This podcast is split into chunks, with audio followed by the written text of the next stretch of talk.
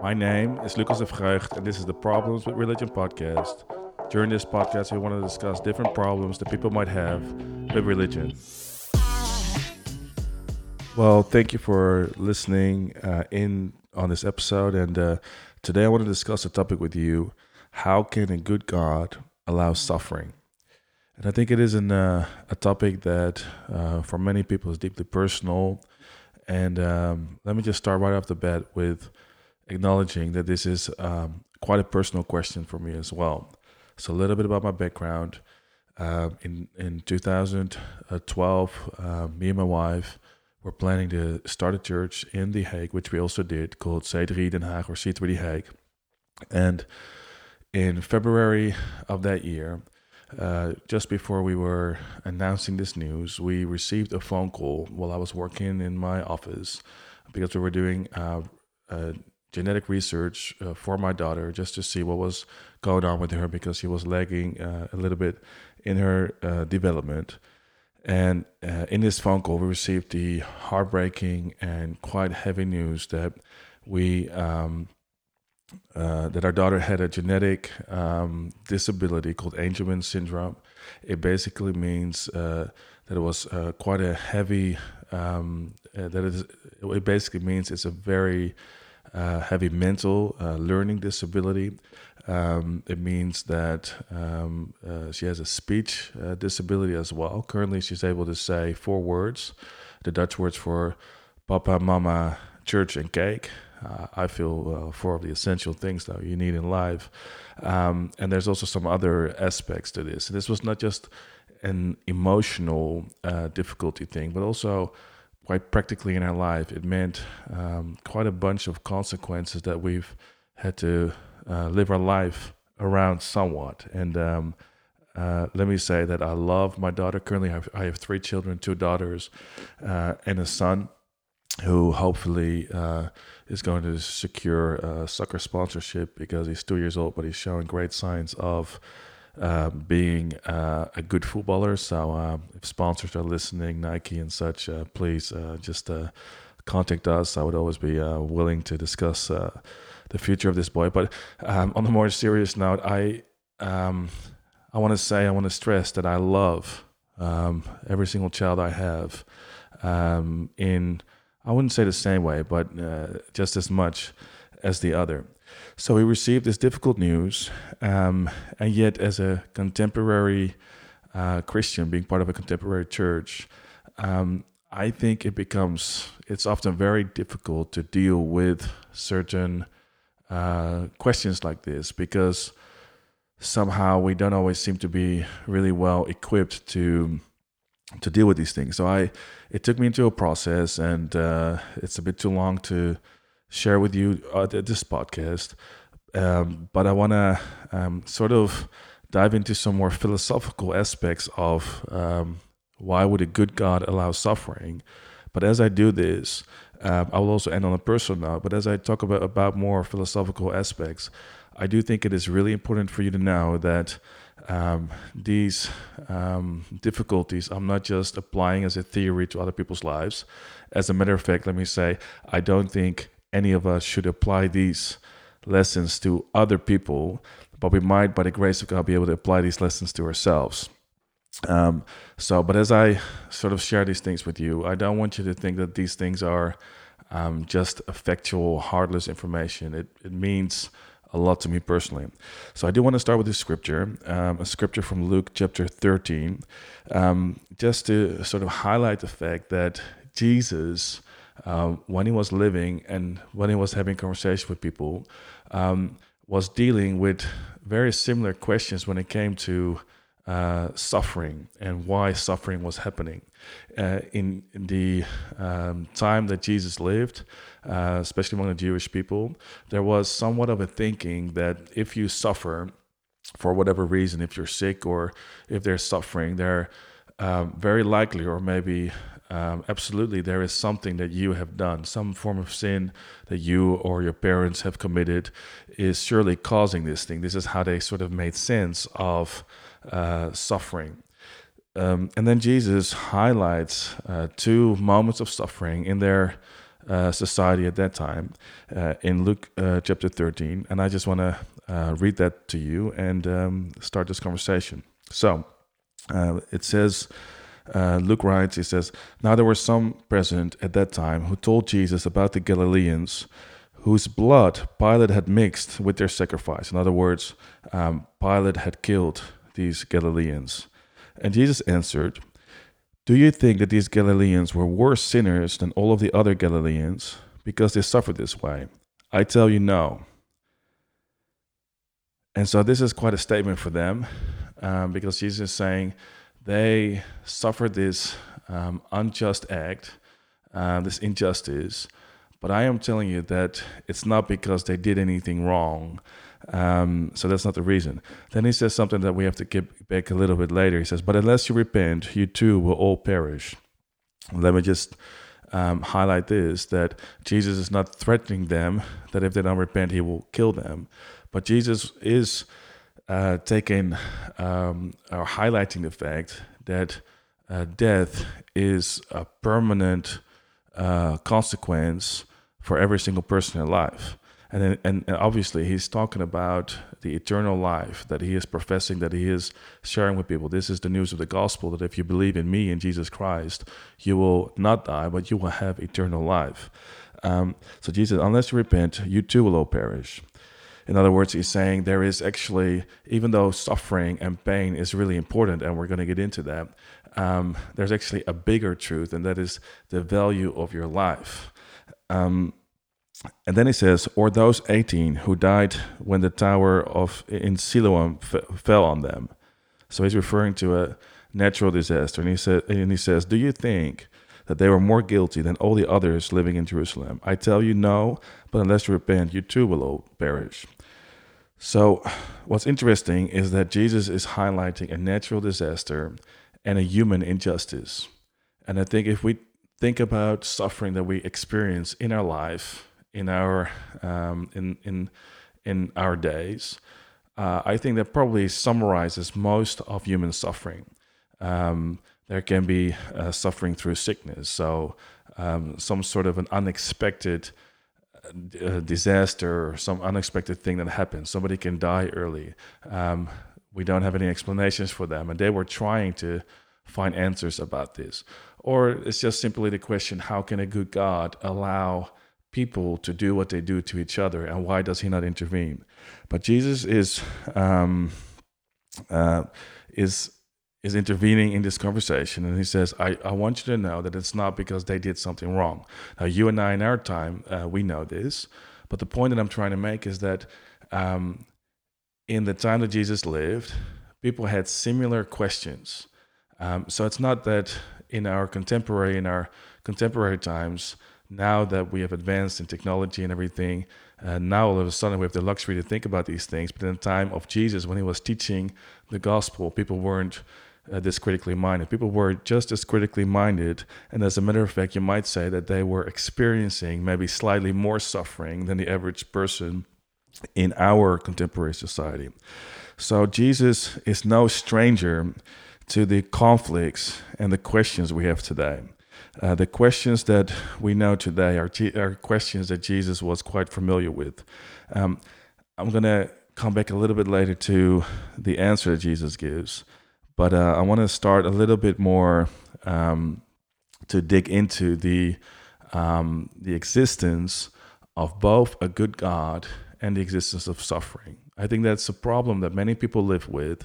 How can a good God exist um, at the same time as suffering? Wouldn't a good God do something about suffering? And I think many people ask this question because they say, or because they think, if God is not, maybe God is good, but if God is not powerful enough, why would I serve him and why would I worship him if he, he is not powerful enough to do something about pain and suffering? Other people might say, well, maybe I do believe that he is powerful enough, but if he is powerful enough and he allows suffering to happen, that means by definition that God is not good, and why would I want to serve him? So these um, questions and this line of thinking is extremely understandable, and I don't want to put you down in any way if this is your line of thinking. But um, uh, to start with, I want to stress uh, and I want to give you three thoughts about why it is philosophically possible for a good God and suffering to coexist at the very same time. Why it is not conflicting for a good God to exist and for suffering to exist. Um, I'm going to start a little bit philosophically. As I mentioned, I also have personal experience. Um, and after these three thoughts, I want to get a little bit more personal about how I um, sort of am able to deal. And this is, of course, a process, but I'm able to deal with the questions that I have around w- why a good God can exist and suffering at the same time. Because we all know, and it's important to understand, when we talk about pain and suffering, we can never just treat it as a philosophical thing. But on the other hand, we should also never really treat it as just purely um, a um, a personal thing. Because the moment we just make it personal and emotional, but we don't really educate our thinking around the uh, philosophical possibilities, um, I find people tend to um, get harmed or maybe lose their faith or are not able to believe because they don't have like a, a clear thinking around the existence of God and suffering. Um, on the other hand, if we train our thinking or if we talk to people about suffering and we give them these philosophical answers, um, but we lack the empathy and we lack the experience um, and the understanding that suffering, even though it's uh, even though there might be some uh, mental answers, uh, suffering is always deeply personal. So, without delay, let me just start with three thoughts um, about why would a good God and suffering be able to philosophically coexist uh, in this life? Well, the first thought I want to share with you is that um, evil and suffering is not an evidence against the existence of God. So, evil and suffering is not evidence that God does not exist. Um, I'm going to refer a little bit to some quotes from Tim Keller from The Reason for God. I would greatly recommend for you to read that if you're interested into topics like this. Also, by the way, a very good book from Tim Keller that has really helped me personally is um, Walking with God Through Pain and Suffering. Walking with God Through Pain and Suffering. Those books um, have really helped me in my thinking uh, around this subject. Um, but Tim Keller, he refers to a book that was um, written in 1982 in the year of my birth called The Miracle of Theism, which is um, basically a philosophical argument that if a good and powerful God exists, then he would not allow a useless evil. And so the basic premise of this thinking and uh, thinking of uh, a lot of people today is that because there is so much injustice in the world, um, it is possible for a God to exist, but not for a loving God to exist. So it is possible for God to exist, but not the loving God of the Bible. Because if a good and powerful God exists, he would not allow useless evil. And so many philosophers, uh, according to Tim Keller, agree um, uh, about the fact that this is a completely understandable but a problematic um, way of reasoning because the problem is um, that people tend to think if evil is pointless to me, then it must be pointless. So if I don't understand the reason for evil or the reason for particular suffering in my life, then therefore there must not be any good explanation. And Tim Keller says this in uh, The Reason for God. Um, I'm going to quote Just because we can't see or imagine a good reason why God might allow something to happen doesn't mean there can't be wrong. Uh, there can't be one. Again, we see lurking within supposedly hard nosed skepticism an enormous faith in one's own cognitive faculties. If our minds can't plumb the depths of the universe, um, for good answers to suffering, well, then there can't be anything. This is blind faith of a high order, um, says Tim Keller. So, um, we have come to a point in our thinking or in our society that some people tend to think, or maybe many people tend to think, that we are sort of like at a peak of existence. Um, that we think that we can understand most things by now. And the things that we don't quite understand, surely we will be able to scientifically prove in the years to come. Um, and so we, we think that there um, that if we cannot explain something, therefore it is it must be um, somewhat pointless. And the thinking exercise that uh, Tim Keller asks us to do is to reflect on the fact that we do not fully comprehend everything. As a matter of fact, I'm going to come back to this a couple of times in this podcast. Um, we don't uh, have scientific evidence for everything we currently believe. So we have to acknowledge, just as sort of like a possibility. I'm not saying, by the way, that suffering is good or that there is um, a perfectly good reason for suffering. But we do have to acknowledge for ourselves that just because our minds cannot um, comprehend a good reason, it doesn't necessarily mean there is not a good reason. I think it's important to understand that if there is a God, that therefore his ways, his ways of thinking are bigger than our ways. His reasoning must, by definition, be bigger than our reasoning. And just because we cannot understand it as human beings, um, no matter how much faith we have in our own mental capacity, we we uh, probably understand that if there is a higher human being, there are things that he uh, would understand or the higher being would understand, but that we wouldn't understand. So, because we cannot see a good reason for the situation that we're going through, it doesn't necessarily mean there isn't one. I'm not saying there is one, but it doesn't necessarily mean there is one. Um, there, um, there isn't one. So, uh, evil and suffering is not necessarily, even when we don't understand it, evidence against um, or evidence of uh, the fe- uh, of of God not existing. Right. Second thought I want to share with you, a bit of a philosophical thought as well, is that um, experience teaches us that bad circumstances and suffering often lead to good outcomes. Experience teaches us that bad circumstances often lead to good outcomes.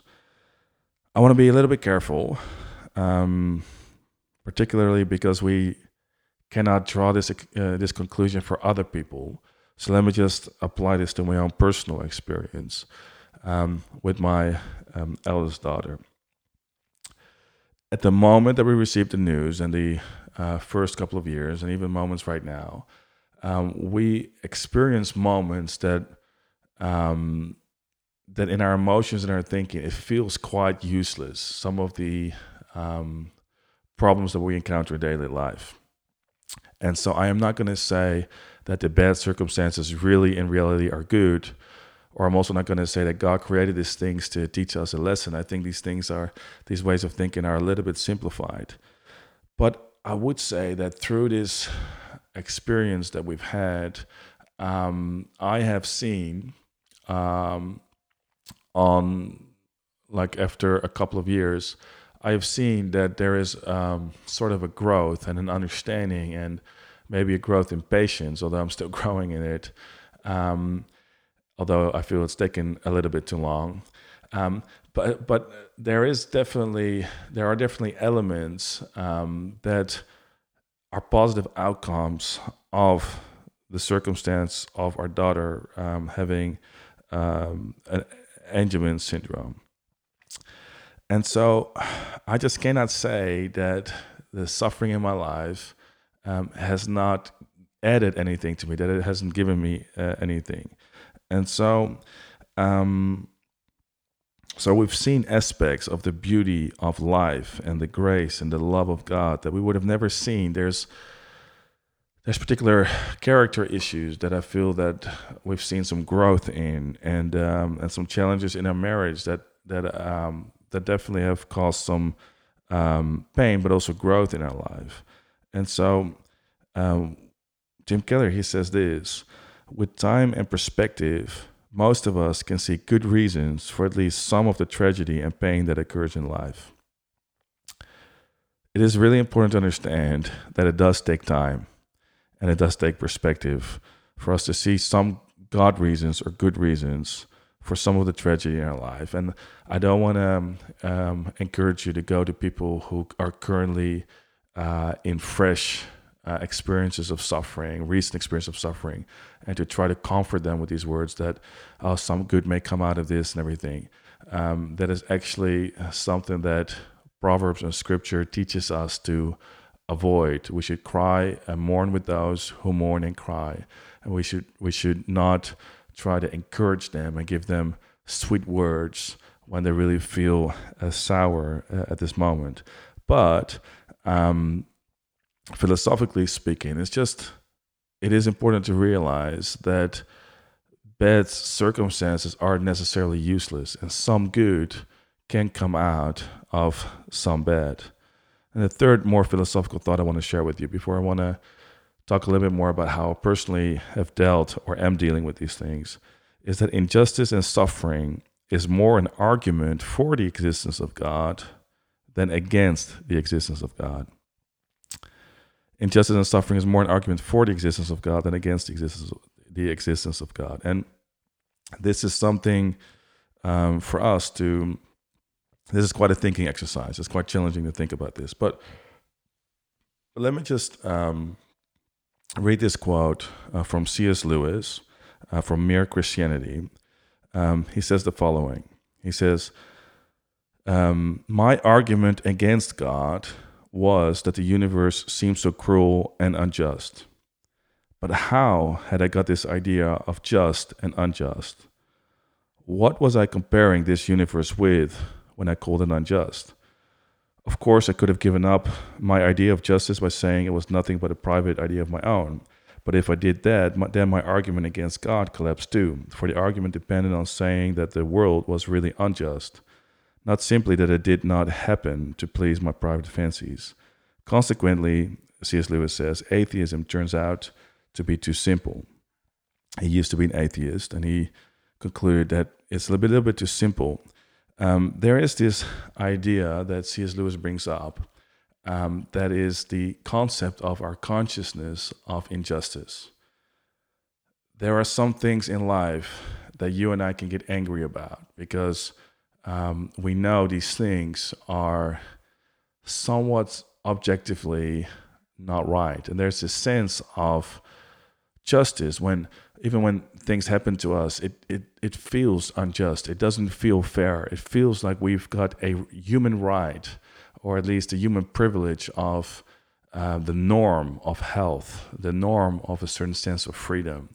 And um, the moment we experience contrary experiences to this freedom or this health or whatever it might be that we that we feel is right it feels unjust and there's more on a, on a bigger scale there is this sense of justice and injustice the sense of right and wrong and um, people who um, who say that um, okay so there is this injustice and therefore god doesn't exist I think also really need to figure out where does this sense of injustice really come from?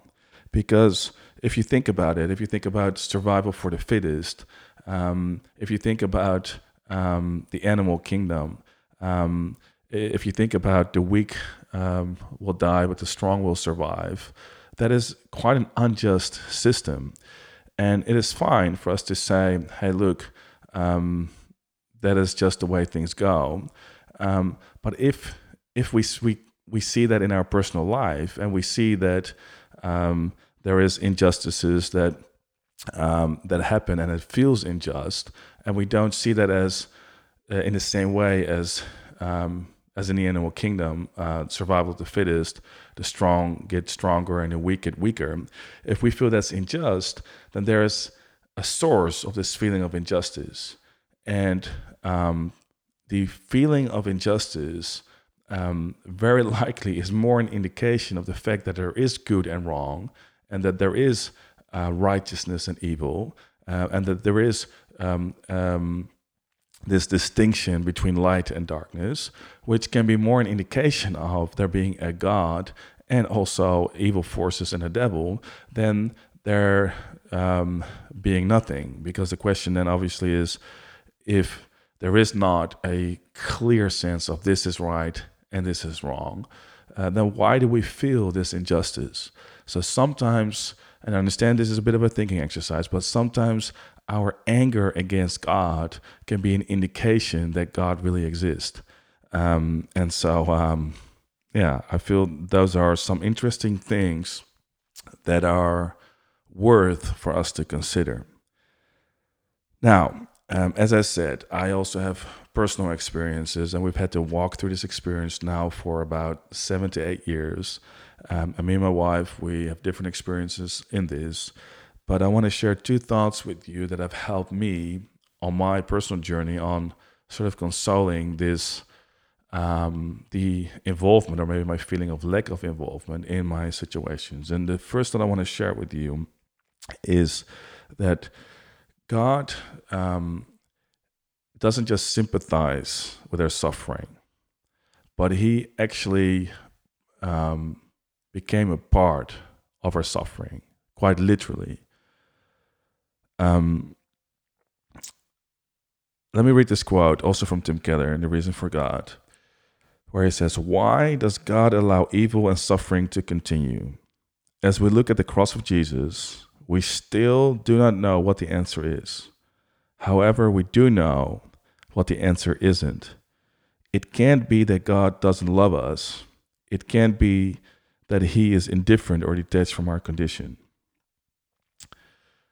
The uh, scripture, the Bible, explains the, the story and the premise and the, ba- the basic thought of the gospel is that God gave his only son he so loved the world that he gave his only son for us, and he um, gave his son to suffer um, a really painful death. Not only that, he took upon him uh, the sin and the suffering of this world. And so I find it very uh, touching and liberating to think about the fact that God is not a God who sympathizes with our suffering, but God is a God who became part of our suffering. Um, God is a God who doesn't just say, "Hey, I, I can see from a distance your suffering, but here am I in heaven, and I, I understand." Because that would feel slightly disappointing. Because how could a God who never suffered understand suffering? But there is no other religion, and I don't really call Christianity a religion, so because I call it a relationship. But there is no religion that, uh, other than Christianity, that really um, describes uh, how a God became part of the human problem, how a God made himself part of the human problem, how God suffered pain and suffered sickness and suffered the consequences of unrighteousness in his own life and in his own body and in his own spirit. And so we have, the Bible says, a high priest who sympathizes with us, who understands us, who understands our weaknesses, who has gone through all the suffering um, in this world and he partook of it. And so every single time that we feel that God is leaving us alone to suffer, it is important for us to understand that the gospel explains that we are never alone in our suffering. Tim Keller, he says this he says, We can know that God is truly Emmanuel, God with us, even in our worst sufferings. There's this song covered by Sheryl Crow, which is kind of a cynical song, which is um, um, um, I don't know what I guess the title is. What if God was one of us? And sort of the, the cynical premise of the song is, what if God was one of us, uh, just a stranger on the bus, trying to make his way home? Um, and there's this assumption that the song makes that God doesn't care about our suffering, but what if He was one of us? Well, the gospel teaches us that God became one of us, that He became part of our story, that He became part of the narrative of our lives, and that He did become one of us and He did sympathize with our suffering. So, even though the song is slightly cynical, um, I think it is actually quite a beautiful uh, explanation to me personally that the um, that the God of the universe became one of us. I'm not going to go as far as to say that he sat on the bus and made his way home and nobody was calling on the phone. but he understood the basic human. Um, he understands the human uh, suffering and pains that we're going through. So he doesn't just sympathize from a distance; he became part of it. And I feel personally, for me, that's been really helpful, and uh, hopefully to you as well. The second and the last thought I want to share with you is that God did not create suffering, but is able and willing to um, turn even suffering for good. God did not create suffering, but um, is willing to turn even suffering to good. So I personally believe that suffering isn't necessarily created by God. It takes a little bit too much time to get into it. Maybe we can, if there are questions about that. But the, the Bible doesn't teach us that God created suffering. As a matter of fact, 1 Corinthians 10, verse 13 has really helped me, where it says, No temptation or no trial has overtaken you except, except what is common to mankind. And then he says, But God is faithful. He will not allow you to be tempted beyond what you can bear. But when you are tempted, He will also provide a way out so that you can endure it. So, in um, in a strange way, um, we see a couple of things here. Probably too much to get into, but we see here that um, that God doesn't let you or allow you to be tempted, but it doesn't say that God creates a temptation or that, that He creates the suffering in life. Um, in a strange way, also, I read in the scripture that suffering is a bit of a weird compliment from God because God doesn't allow anything in our life that we are not able to go through with and um, and I've had to acknowledge that even though sometimes I thought I'm being stretched here, I don't know how I can get through this. I still got through these things, and that God was with me, and He provided a way out, so that uh, I can see that God is faithful even in moments of suffering. A very famous scripture, Romans eight verse twenty eight says, "And we know that in all things, God works for good, um, for the good of those who love Him and who have been called according to His purpose." Now, let me just summarize this thing or bring this home a little bit. I believe that God is able to work things for good. And the year it says God is able to work all things toward good. And as I just mentioned, I've seen in my personal life that there definitely is an element of good that came out suffering in my life. And I've gone through different things, but I feel that going through these things has uh, made me uh, stronger and um, and somewhat better in different ways. But also, I believe that, um, or Christianity believes that there is a bigger perspective than our our temporary life, and this is kind of of that kind of this is what Jesus referred to when he says, um, "If you do not repent, all of you will die in the same way," because what he is saying is you, um, and in this case, there were religious people he says this religious society is so focused on what happens in this life um, that they forget to think about what happens unto eternity. And um, this life, um, according to the message of the Bible, doesn't compare to eternity. I believe that God wants to give us a great life here on earth. I don't subscribe to, to the idea that we're hoping that Jesus will come back and and uh, end this world soon um, because this is also so bad, and that the good life will start when we die or uh, in the good by and by. I don't subscribe to that at all. I think God has given us a good life here on earth, but there is an aspect of suffering. Um, but the suffering that we go through in life doesn't compare to the glory that will follow. As a matter of fact, uh, Paul mentions in Second Corinthians, for our light affliction, which is but for a moment, is working for us a far more exceeding and eternal weight of glory, while we do not look at the things which are seen, but at the things which are not seen. For the things which are seen are temporary, but the things which are not seen are eternal. Now, first of all, Paul doesn't say that he doesn't have affliction. As a matter of fact, he's quite honest. He says, this light affliction. So he says, I, we, we do have afflictions, and I'm not by faith calling these things um, like non existent. He says it's an affliction, but it is really strange because um, when we look at Paul's life, we know that he went through quite severe, traumatizing, and really heavy things. But see, Paul found it in himself. He found a place in himself to say, This is not a heavy thing. This is not a heavy affliction. It's a light affliction. And what I've experienced is that there is a place that we can find in God. There is a grace that God will give us to carry uh, weighty circumstances with. And again, it's not something that we can encourage somebody else with saying, hey, man, your affliction is just light. But when we say, when we come to a place in God where we can truly say, yes, it's, it's an affliction, but it feels light. But then he also says, it is just a moment. He says, and again, in Paul's life, I don't get the feeling that his afflictions were really uh, short lived. I get the feeling that he went through circumstances that were pretty oppressing for a long period of time, for years and years and years. But he says it's our light affliction and it's just for a moment because Paul is looking at his life from a temporal perspective, but he's looking at but he is focusing on eternity and he's saying this light affliction is for a moment because God has given me a place in my thinking um, to understand that these situations in my life are working out a far more exceeding and eternal weight of glory. And he says, This is how I do it.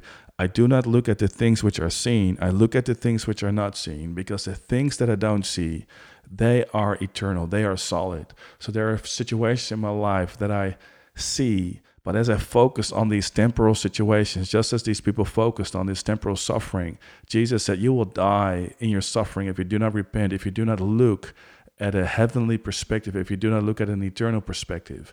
But we can know, if we look at things from an eternal perspective, that suffering in our life can be redeemed, that suffering in our lives um, can actually be worth something in this strange way. The suffering in our life will always be superseded by the glory that will follow. That will be um, that will be far exceeding and far better and far more outlasting than everything we can go through in life. It is important for me personally to understand that there is an eternity um, in which justice will be done even though I feel there are injustices in my life, and even though we feel there are injustices in our world, that we look forward to the day that every injustice um, will be made just, that every wrong will be made right, that every hurt will be healed, that there will be no more tears and no more sorrow and no more joy. And if that is our perspective, then even difficult sufferings,